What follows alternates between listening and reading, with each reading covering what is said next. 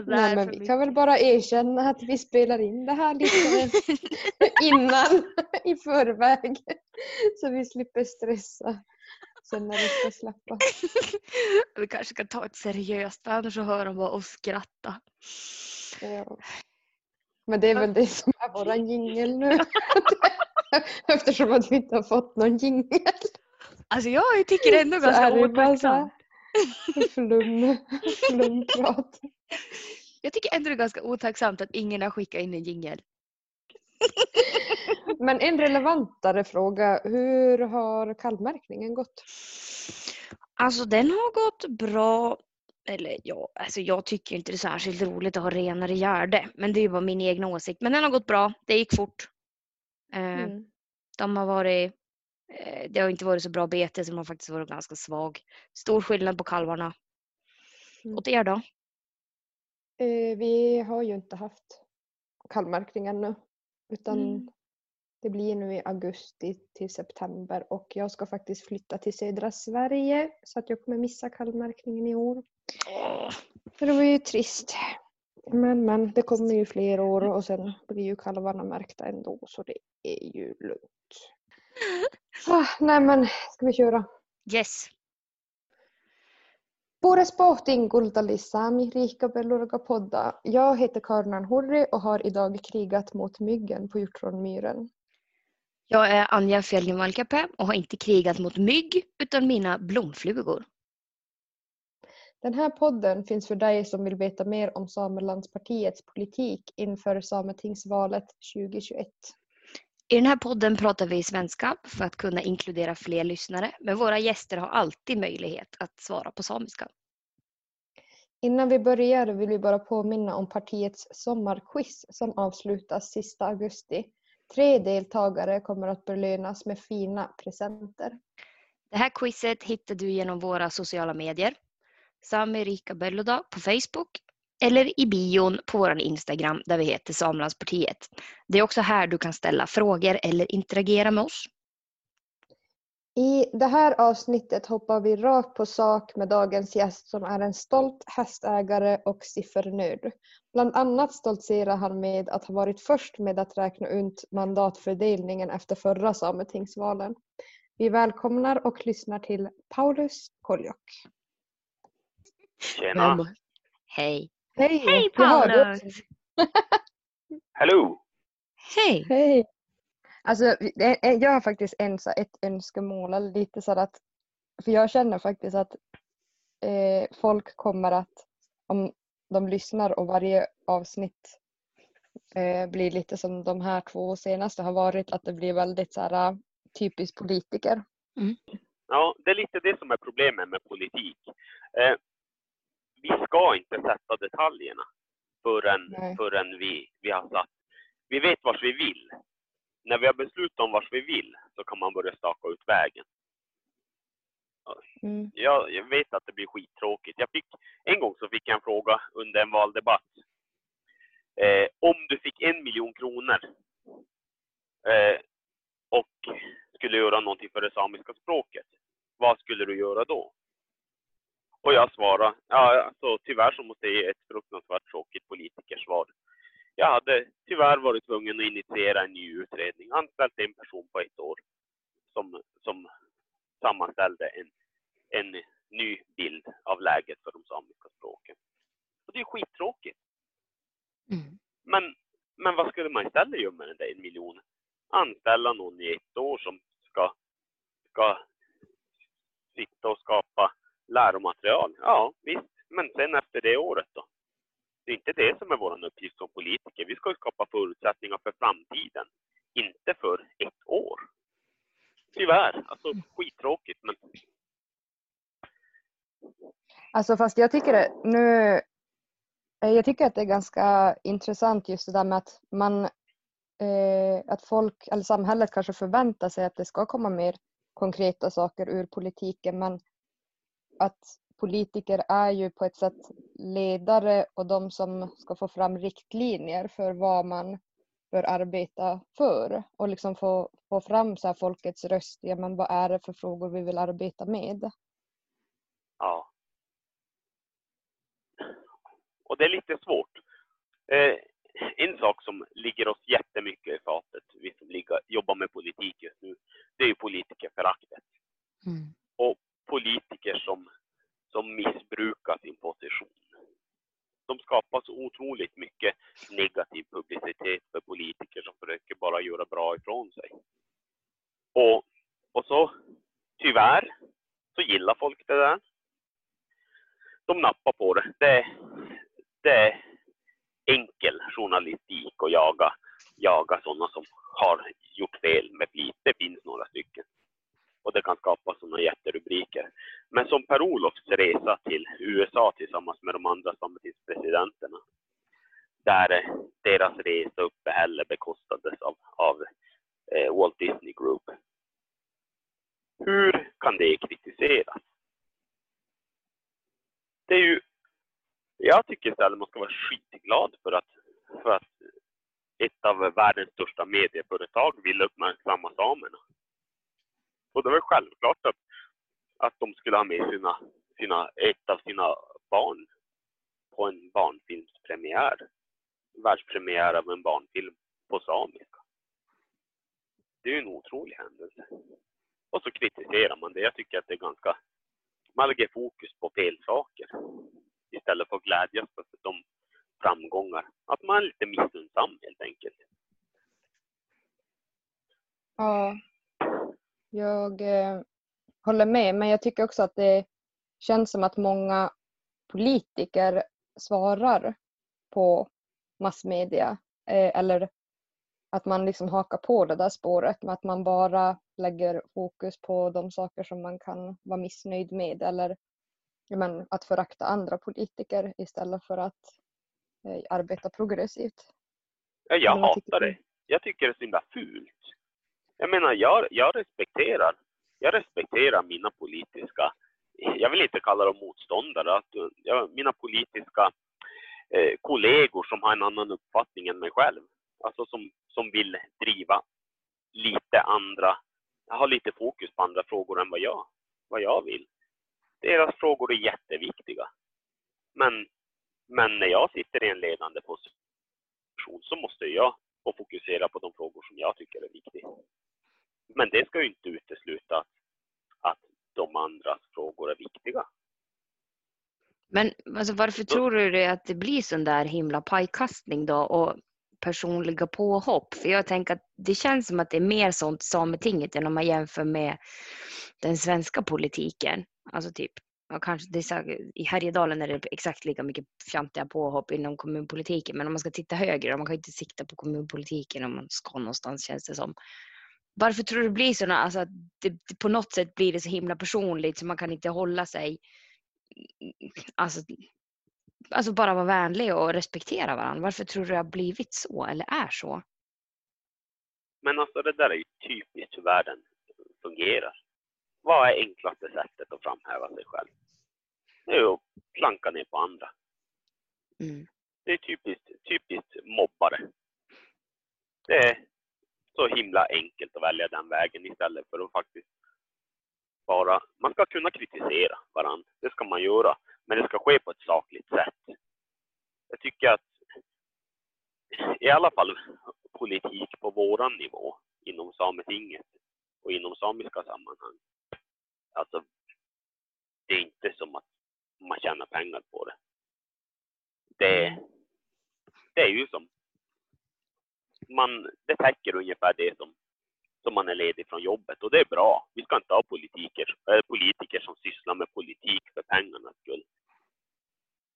De ska, de ska, vi ska ha politiker som, som vill sträva framåt med det samiska samhället och jag tycker då att då måste man ju faktiskt respektera varandra.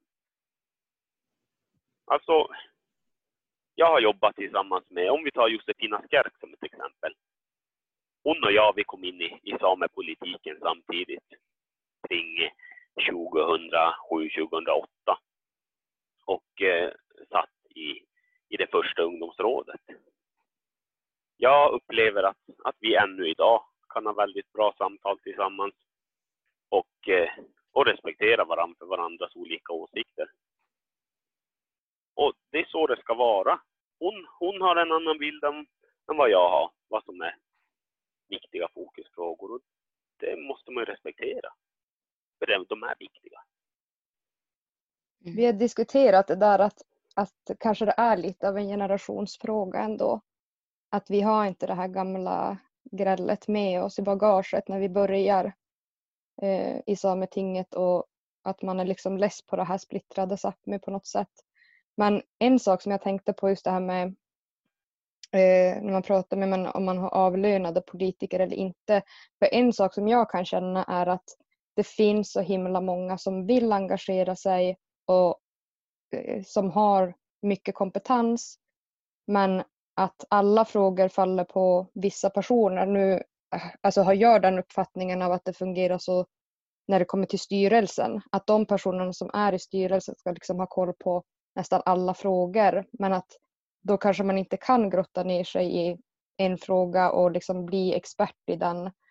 Eh, ja, men som jag känner till exempel med jämställdhetsfrågor att jag får verkligen lyfta dem och det, det är liksom lite min grej. Eh, och det är så man skapar ett team, att alla har lite sin specialitet. Men att sen när det kommer till vad man verkligen jobbar med så är det så få som kan avlönas. Eh, ja. Eller det, det är ja, min det, uppfattning, men nej, vad men tänker du? Du har ju rätt. Men du har ju helt rätt. Så är det. I samiska sammanhang så är alltså själva organiseringen av avlönade politiker är, det är för liten organisation. Jag menar, nu har vi, nu har vi en styrelse där, där sex personer sitter. Och de sex personerna ska jobba med alla frågor. Det är ju galet. Alltså, tänk om man hade haft de förväntningarna på, på de svenska, svensk, på svenska regeringen. Sex personer som ska jobba med allt. Visst, man har, man har ett kansli bakom sig där, som ska ha viss expert, expertkompetens inom utvalda områden. Men vi har många frågor där vi inte har något, har något eh, eh, kanslistöd. Om vi tittar på till exempel samiska utbildningsfrågor. Där har vi inget, vi har inget kansliuppdrag där. Det finns inga resurser till att, till att jobba med de frågorna. Det är en av, en av många frågor där vi faktiskt är helt, helt obemannade. Och det, är ju, det innebär ju ett problem. Hur ska man kunna jobba med de frågorna fram tills dess att man får ett, ett sådant uppdrag? Eh, tittar man på språkorganisationen inom Sametinget, ja vi har en. Vi har en organisation för, som hanterar samiska språket. Men den är ju galet liten. Alltså den är så otroligt liten så att den kan ju inte, den kan ju inte göra det som, som borde göras. Jag menar varför har inte svenska regeringen helt enkelt tagit och sett till att okej, okay, ska vi göra någonting för det samiska språket, varför ser vi inte till att Sametinget gör det? Nej, istället så suger man bara på frågorna utan att ge något egentligt ordentligt mandat att jobba med frågan. Man får man ge en liten, en liten pengasäck som inte räcker någonstans. Och så gömmer man sig bakom det.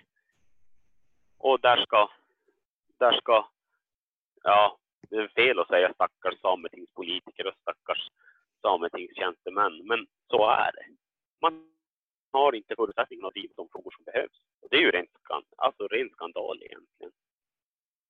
Och i många fall när, när samiska organisationer eller, eller någon annan person lyfter, lyfter frågor parallellt med Sametinget och, och då får de svar från från eh, regering och regeringskanslierna att eh, ja, men ni har ju Sametinget, vänd er till Sametinget.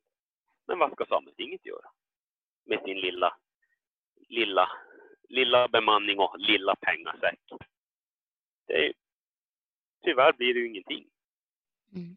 Och man, man träffar man träffar riksdagsmän och man träffar regeringsrepresentanter och ministrar och man blir lovad saker och så kommer det, oj, här kom det 500 000 extra.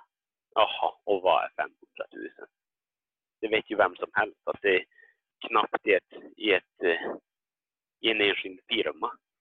så räcker 500 000 långt ifall man ska göra någon typ av insats. Mm, Ja. det är sant.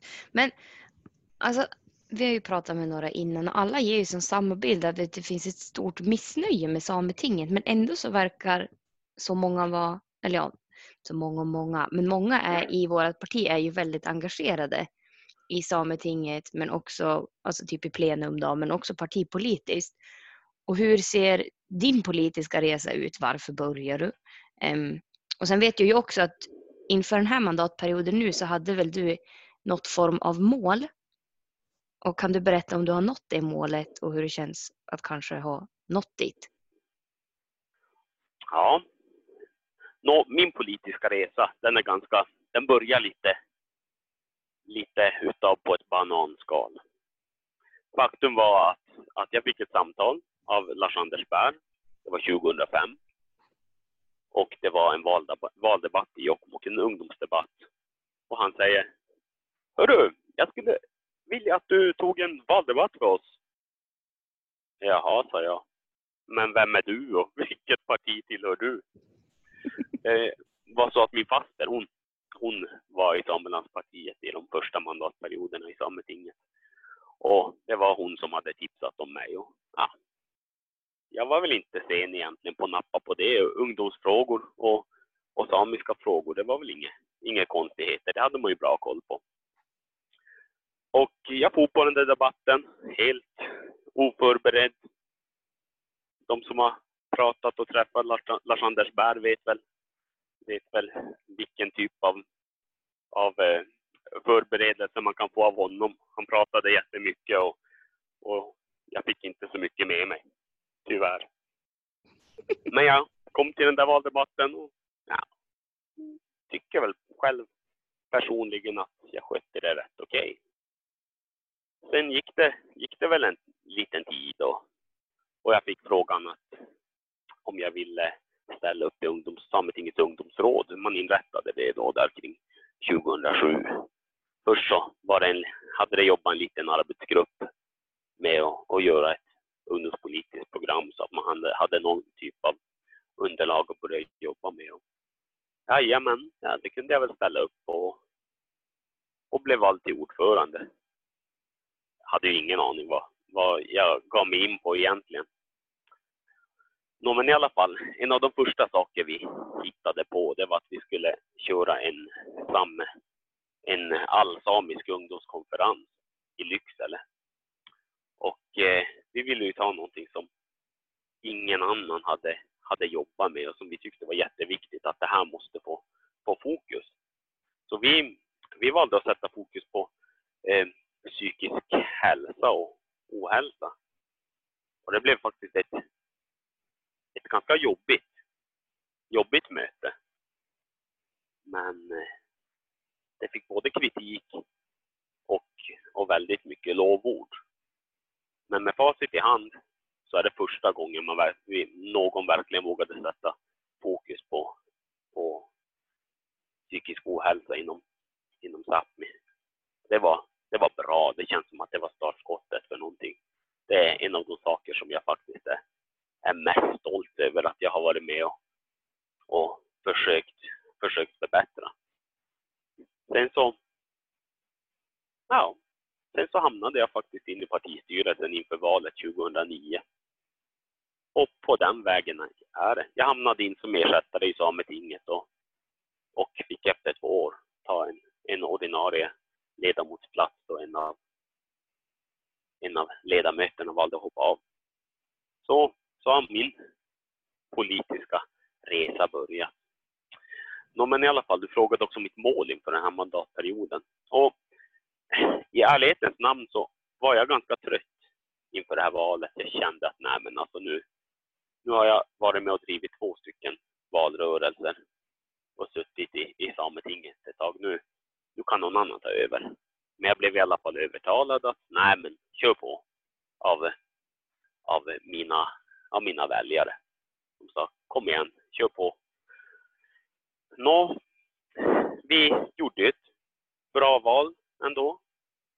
Men sen när vi skulle börja konstituera oss och eh, vi började fundera, ja okej, jag var ju ganska självskriven att få någon typ av ordförandeposition inom, inom någon nämnd eftersom, eftersom jag hade jobbat, jobbat så pass länge i partiet och agerat ganska framstående. Men eh, jag känner så här att som nämndsordförande då ska man faktiskt vara ganska, då ska man ha lite kunskap med sig. Ska man ha lite livserfarenhet. Så jag tänkte att det där med Sametingets ordförande, det är ju ganska opolitiskt. Men jag gillar ju ordning och reda. Så det är något jag skulle kunna tänka mig att ställa upp på. Men som politiker så vill man ju gärna vara med i debatten. Så jag kan väl i ärlighetens namn säga att jag känt mig ganska låst den här mandatperioden. Hur eh, känner du, alltså det här var ju mycket mer information än vad jag hade förväntat mig, men hur känner du inför kommande val då? Ja, jag känner väl så här att, Samlandspartiet Samelandspartiet och Samelandspartiets politik den är fortfarande väldigt aktuell. Och vi behövs inom, inom samepolitiken. Jag vet, att, jag vet att vi har blivit kallade lite konservativa, men, men jag för min del i alla fall känner väl, känner väl snarare tvärtom, att vi är någon typ av mittenparti. Jag är ju, jag är ju väldigt mån om, om samer, samer utanför samebyarna, att de ska få, att de ska få ta del av, av samisk rätt utan att för den skull försämra eh, möjligheterna för, för eh, de samer som bedriver renskötsel. Där, där har man en verklig utmaning. Alltså det där delar jag med dig verkligen. Att, för, jag, för jag tror inte att vi kan bygga ett starkt samiskt samhälle genom att vara på något sätt så polariserad som det kan framstå ibland. Utan det är liksom svenska staten som har gjort att vi sitter där vi sitter och står vart vi står. Och hur tror du att arbetet framöver inom sametingspolitiken eller samepolitiken borde se ut och vad behöver förändras för att vi ska komma framåt? Vilken fråga kanske är viktigast? Alltså jag tror ju att den här, den här frågan med, med att hitta någon typ av, av samisk rätt för alla samer, jag tror att den är, den är verkligen nödvändig, nödvändig att lösa den är så. Den skapar så mycket konflikt trots att det egentligen inte är så. Så borde, det borde egentligen inte vara så laddad fråga. Men, men det är det. Den måste, den måste få ett, någon typ av framgång så att vi kan börja blicka förbi det och jobba li, lite mera tillsammans.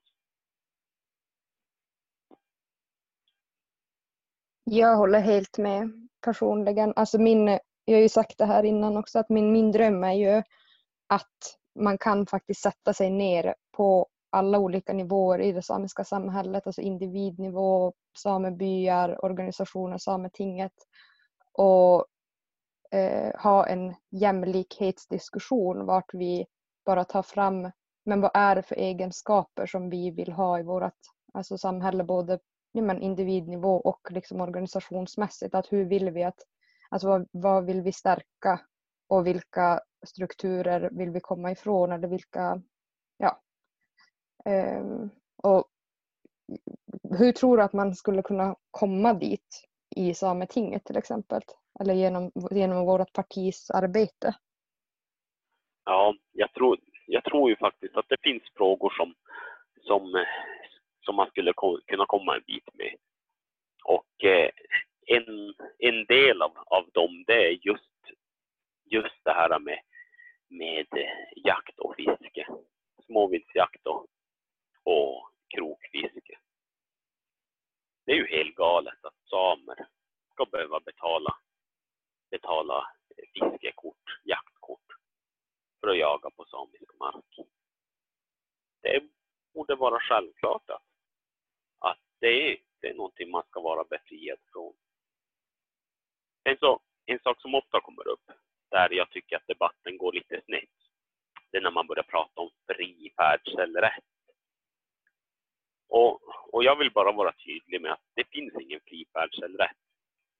i fjällen. Den färdselrätt som, som man har, det är ju i sitt arbete. Det är när man som renskötare är ute och bevakar sina renar. Det är den färdselrätt man har under, under förbudsperiod. Ingen annan samebymedlem som eh, ska fara och köra i förbudsområde när man inte är i, i arbete. Och där tycker jag man hamnar ofta ganska snett för att det, det känns som att vissa tror att, att det här med färdselrätt, det, är bara, det betyder att alla, alla samebymedlemmar har fritt fram att färdas vart man vill inom förbudsområden. Men så är det inte. Och det tycker jag är jätteviktigt att alla försöker hålla på och, och kommunicera och respektera. Då har vi, då har vi mycket lättare att faktiskt, att faktiskt eh, stå upp för de här vanliga grundläggande samiska rättigheterna ifall, ifall man skulle respektera, respektera de skyldigheter som vi har. Älgjakten, nu blir det lite detaljerat. Älgjakten det är, det är en, en liten svårare fråga eftersom det är en inkomstbringande eh, verksamhet till, till de renskötande medlemmarna. Där är, där är det lite svårare, men det, jag tror absolut att det skulle kunna gå att lösa. Men som, som jag sa från början, småviltsjakt och krokfiske, börja där, så kommer man, så kommer man någonstans på vägen. Mm. Alltså de här frågorna är ju väldigt, väldigt laddade. Är det ett hinder i arbetet framåt och hur, i sådana fall, hur kan man hur tror du bästa sättet att sätta sig ner och diskutera det här? Är det först att man enar sig inom det samiska samhället och sen får fram det här till staten eller att man tvingar staten till åtgärder? Vad tror du? Det är staten som faktiskt, jag tror, jag tror och hoppas att, att domen i Kirjat-målet ska kunna innebära någon typ av, av vändning. Att man genom den skulle kunna möjliggöra småviltsjakt och fiske för alla samer. Det hade varit, det hade varit min dröm. Det hade varit faktiskt helt fantastiskt. Att om det skulle kunna verka som en enande kraft för, för det samiska samhället. Jag måste bara fråga, eh, det är ändå ganska många från eh, samebyar som uttrycker just det här med att, för det ger ju en eh, bättre, vad ska, bättre rätt till samebyar. Men just det här att många politiker verkar kluvna mellan ja, men hur mycket same, eller Sametinget ska ha att säga till om i renskötseln och att det blir någon slags, eh, jag menar att det ger ju Sametinget någon slags legitimitet att ha viss ansvar kring frågorna men tycker du att samebyarna till exempel eller SSR eller jag menar, vart, vart borde man, vilka är det som borde ha mest inflytande och ansvar kring just renskötselfrågorna? Eller vad tycker vårt parti. För att där kan jag också tycka att det är ibland lite oklart. Ja, men det är inte så konstigt att, att sådana här frågor ibland är lite oklara. Det är för att vi har helt olika förutsättningar. Samelandspartiet är ett parti som är representerat genom hela Sápmi och våra förutsättningar är olika. Eh, vad gäller renskötselfrågorna så är det samebyarna som ska hantera dem. Det är, det är så jag ser på saken. Sametinget ska jobba med renskötselfrågorna på ett större, på ett högre plan. Men aldrig någonsin gå ner på en, på en lägre detaljnivå. Där ska man inte vara och verka. Vi ska skapa en, en grund för samebyarna att, att kunna jobba och utvecklas och eh, se, till, se till att de kan driva en, en hållbar renskötsel. Vi ska naturligtvis, vi ska sätta, vi ska peka med fingret på att, på att rovdjursfrågorna, det är, stor, det är ett stort problem och vi ska specificera på vilket sätt som, som det är ett problem och vilka saker som måste förändras. En av de mest skandalösa beslut som någonsin har tagits, det är de här 10 procentiga toleransnivåerna som man inte ens klarar av att leva upp till man, man har inte ens gjort verkstad av det, trots att 10 procent, vilket företag skulle acceptera att man, att man förlorar 10 procent men inte ersätts för, för ens en bråkdel av det. Det är ju ett, person, ett, ett personligt bidrag från den enskilda renskötaren till staten. Det, ja. Det är ett beslag. Det är helt bedrövligt. Ja, det är, det är jättepinsamt. Men ja, nej, jag vet inte vad jag ska säga.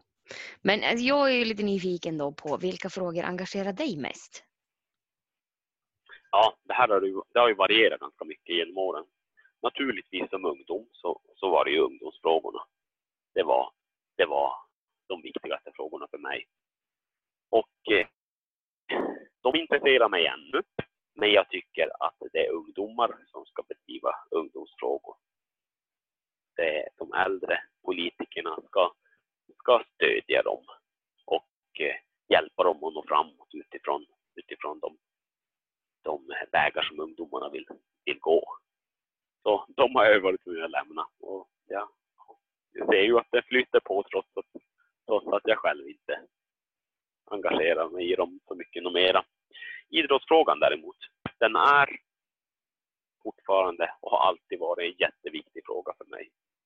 Jag anser att samisk idrott och egentligen samiska samlingsplatser i samband med, med idrottsevenemang, det är en riktig, en riktigt, riktigt bra plats för alla samer. Där, där pratar man inte eh, samebymedlem och, och icke-samebymedlem.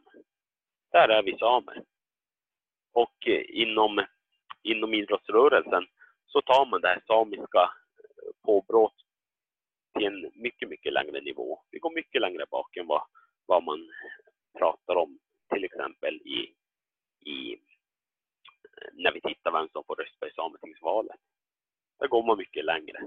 Och den har verkligen varit en, en inkörsport till, till det samiska samhället för många. Det är en av de bästa mötesplattformarna som finns och som faktiskt är väldigt välkomnande. Så det är en av mina, en av mina absoluta hjärtefrågor. Där jag trots det har inte hänt någonting där. Man har inte kommit någonstans. Och det gör mig så himla besviken och ja, frustrerad. För samiska företrädare i idrottsfrågor har ända sedan mitten, sedan början, mitten av 80-talet i alla fall lyft frågan om, om, att, om att det behövs ett särskilt stöd till samisk idrott eftersom man inte har möjlighet att få stöd via Riksidrottsförbundet. År efter år efter år lyfts den frågan. Och Riksidrottsförbundet representanter de är lika förvånade varje gång. Va? Nej, vadå? Vadå? Det visste vi inte om. Kultur, kulturpolitiker inom svenska riksdagen, de blir lika förvånade varje gång. Åh, oh, nej men vad? Ni kan ju vända er till Riksidrottsförbundet. Nej, vi kan inte det. Mm, vi pratade om det med, med Ingrid i första avsnittet att eh, det, jag tycker att det blir lite samma sak där att en sån eh, någonting som kan verka så litet för storsamhället, för, svenska, för svenskar. För man har ju idrott för liksom nöjets skull medan för oss så är det en så mycket större sak. Just det att det är en inkörsport för många in i, den samiska, in i det samiska samhället och det finns så mycket historia bak i den samiska idrotten som är helt okänd för, eh, för det svenska samhället.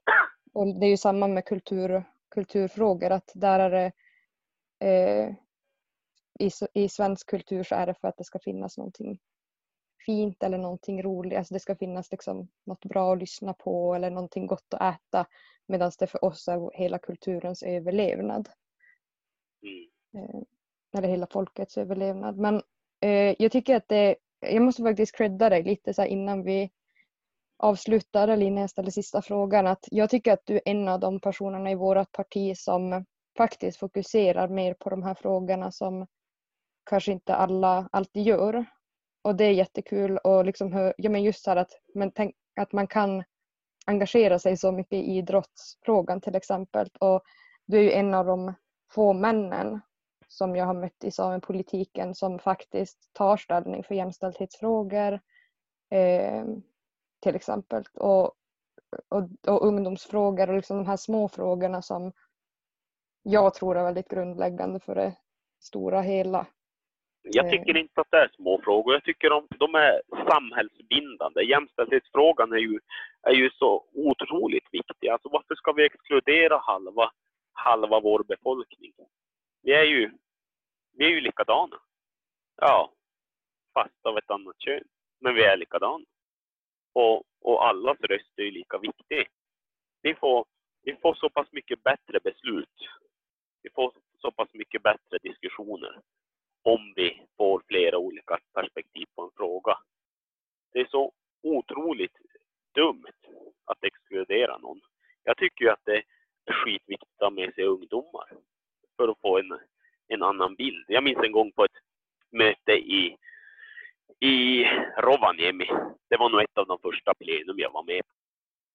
Och jag var så förbannad på mitt eget parti för att de höll på och dinkade om i evigheter om samma fråga.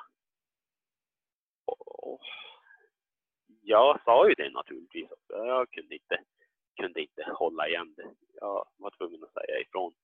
Och ja, de lyssnade men, men det fortsätter väl i samma bana i alla fall. Men det är så himla viktigt att man får bli hörd. Jag ska få finnas där. Jag ska få säga vad jag ser. Jag ska få göra min röst hörd. Det, det är nödvändigt. Ja, Men men jag skulle, jag skulle också vilja säga att, att eh, jag tycker att ungdomar ska, ska få driva ungdomsfrågor. Men de måste få stöd av, av äldre politiker, av andra politiker. Samma med jämställdhetsfrågor. Jag tycker faktiskt att, att det är viktigt att det är kvinnor som, som är drivande i jämställdhetsfrågor för de har ett, ett, ett bättre perspektiv på frågorna. Men om inte samiska män, samiska manliga politiker eh, är med i arbetet i de frågorna så är det ju ett, ett jobb som bara görs till hälften. Alltså vi måste ju, vi samiska män måste finnas där för att, för att och, och delta i debatten för att få ett, ett, perspektiv, ett manligt perspektiv också. Men inte för den skulle vara som, som många som man har sett att man, man sitter bara och säger emot och negligerar de bilder som, som samiska kvinnor målar upp. Att nej, nej, så är det inte. Så är det inte. Utan man, får ju, man måste respektera den bilden. Och faktiskt börja fundera. Det kanske ligger någonting i det. Istället för att bara hela tiden sitta och säga nej, så är det inte. Eller, eller hänga upp sig på det där. Inte alla män. Inte alla. Nej, men jag håller helt med. Och, och det, kan, det känns som att ehm, för många så är det svårt att engagera sig i någonting som man tror att man inte är personligt påverkad av eller som man tror inte kommer gynna en själv. Eh, men det är väl det som är lite varför man har till exempel partier istället för att bara gå i person, personval. Att man bygger ett team och att man ska liksom försöka kommunicera först med varandra och liksom, men vi är en enad grupp som tycker så här och sen ut till andra, tänker jag. Alltså det är väl det som är målet, känner, känner jag. Ja, men alltså man ska bygga ett team där man, där man får speci specialisera sig lite grann på vissa frågor och att partiet respekterar att det här, den här frågan är, är eh, Karin Am bra på och den här frågan är Anja bra på. Och att man då får, får utrymme för att, för att lyfta de frågorna. Så att det inte bara hela tiden snöar in på samma, samma, samma. Men det, Mm. Finns det... Kör alltså det tycker jag vi är väldigt duktiga på i vårt parti. Att vi synliggör varandras kompetenser och gärna lyfter fram dem. För det blir ju bättre ifall någon kan en ny fråga och är bättre på den frågan än någon annan. Även fast alltså jag har varit väldigt osäker i min, ja, det är min första mandatperiod och typ på mitt andra plenum eller någonting så skickar ni ju upp mig i talarstolen. för att jag skulle prata om någonting för att det var så kul att det var en ungdom som hade någonting att säga. Så jag tycker vi är väldigt Ja. duktiga på det i vårt parti, att vi ger varandra utrymme och backning. Ja, men det är ju det, det, är det som man ska göra.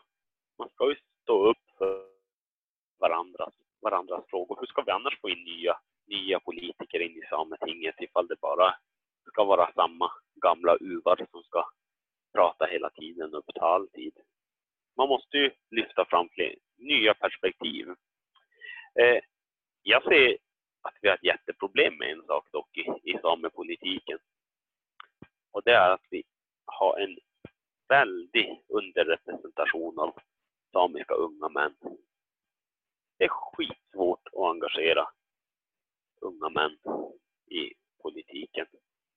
Eh, samiska, samiska unga kvinnor är absolut mycket, mycket bättre på att ta ansvar och, och ta plats inom, inom, jag säger både inom Sami norra och inom, inom partierna i Sametinget. Det, det är en bristvara och det är något som jag ser kommer, kommer kanske kunna ställa till ett litet bekymmer med en obalans. Mm. Det här är ju någonting som engagerar mig väldigt mycket och sen att det ofta blir att när det väl är någon som då engagerar sig, ung, yngre kille eller yngre man, så får ju den väldigt mycket plats bara av att vara engagerad. Eh, Medan eh, en kvinna måste jobba för den platsen.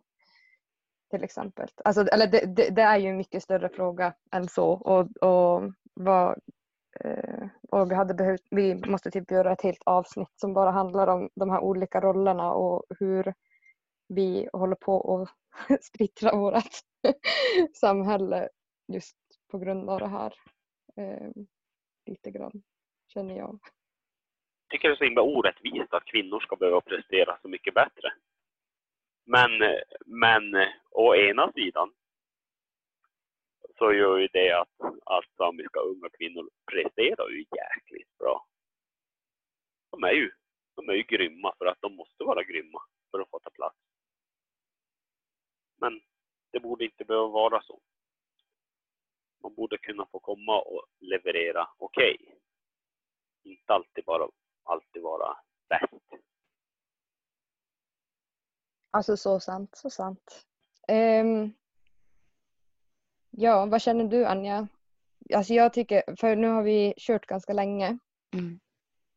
Uh, och är det någonting Paulus som du vill säga så för att um, promota dig själv inför valet uh, och avsluta det här avsnittet med så får du gärna säga det nu. Ja, tack så mycket. Röstar man på Samelandspartiet så får man ett, jag brukar säga så här att jag gillar, det jag gillar med Samelandspartiet är att vi är lite torra och lite tråkiga. Det är inte riktigt så egentligen. Men vi håller oss till, vi håller oss till fakta. Vi håller oss till, till det som vi har kommit överens om och vi försöker fatta faktabaserade beslut. Vi agerar inte på, på uppstuds hela tiden, utan det ska vara lite planerat. Det vi gör ska vara bra och det vi gör det ska, ska göra skillnad. Och det där, nu, det där är lite typiskt mig. Jag in, när jag väljer att jag får möjlighet att promota någonting så väljer jag inte promota mig själv. Sån är jag. Jag, jag gillar laget före jaget. Det är A och O. Det är viktigare att partiet når framgång än att jag som person når framgång. För som lag så klarar vi av att prestera så pass mycket, mycket bättre än vad jag klarar av att prestera. Och eh, mina starka sidor, det är, det är att jobba med laget. Jag är en, jag är en lagspelare och tar, tar gärna mycket plats i, i våra interna sammanhang och försöker hålla mig rätt, rätt formell och kanske ibland lite torr och tråkig. Men det spelar ingen roll för det ska gå rätt till. Allting ska gå rätt till. Alltid. Det, det är min grundinställning. Tack, jag tyckte att det var ett jäkligt bra avslut. Mm. Jag är enig. Torra och tråkiga. Ja men eh, för att uppenbarligen så är ju inte vi det ändå med tanke på allt som vi har har- startat en Nej, jäkla podd. Alltså det är inte många Mm. politiker som sitter och poddar tänker jag. Nej men det är bra. Det är kul. Mm. Det tycker jag är skitbra. Vi kanske ska skilja på sak och personer. Vi är ju inte torra personer. Vi är ganska stora personligheter. Alla i vårt parti. Men det vi gör är kanske torrt och tråkigt, rätt och riktigt. För det ska vara Men- det. Ja. Det ska vara förutsägbart. Har man gått Mm. in och sagt en sak, så ska man hålla det. Mm. Och inte hålla på och fladdra hit och dit. Mm. Nej men eh, ja, det här var, jag är sjukt nöjd. Jag också. Mm. Hoppas ni fick lite material att jobba med. Ja, ja, tack Ja. Paulus. Verkligen. Tusen tack. Vi tanken är väl kanske att vi skulle hålla oss till kortare avsnitt men det går inte när det pratas intressanta ämnen och det finns folk som har någonting att säga. ja. Så är det med politiker. Alltså, försök få tyst på oss. Mm. Nej, men alltså, vi är ju vars vi är för att, för att vi vill göra skillnad. Mm. Och vi vill berätta om vad vi vill göra skillnad.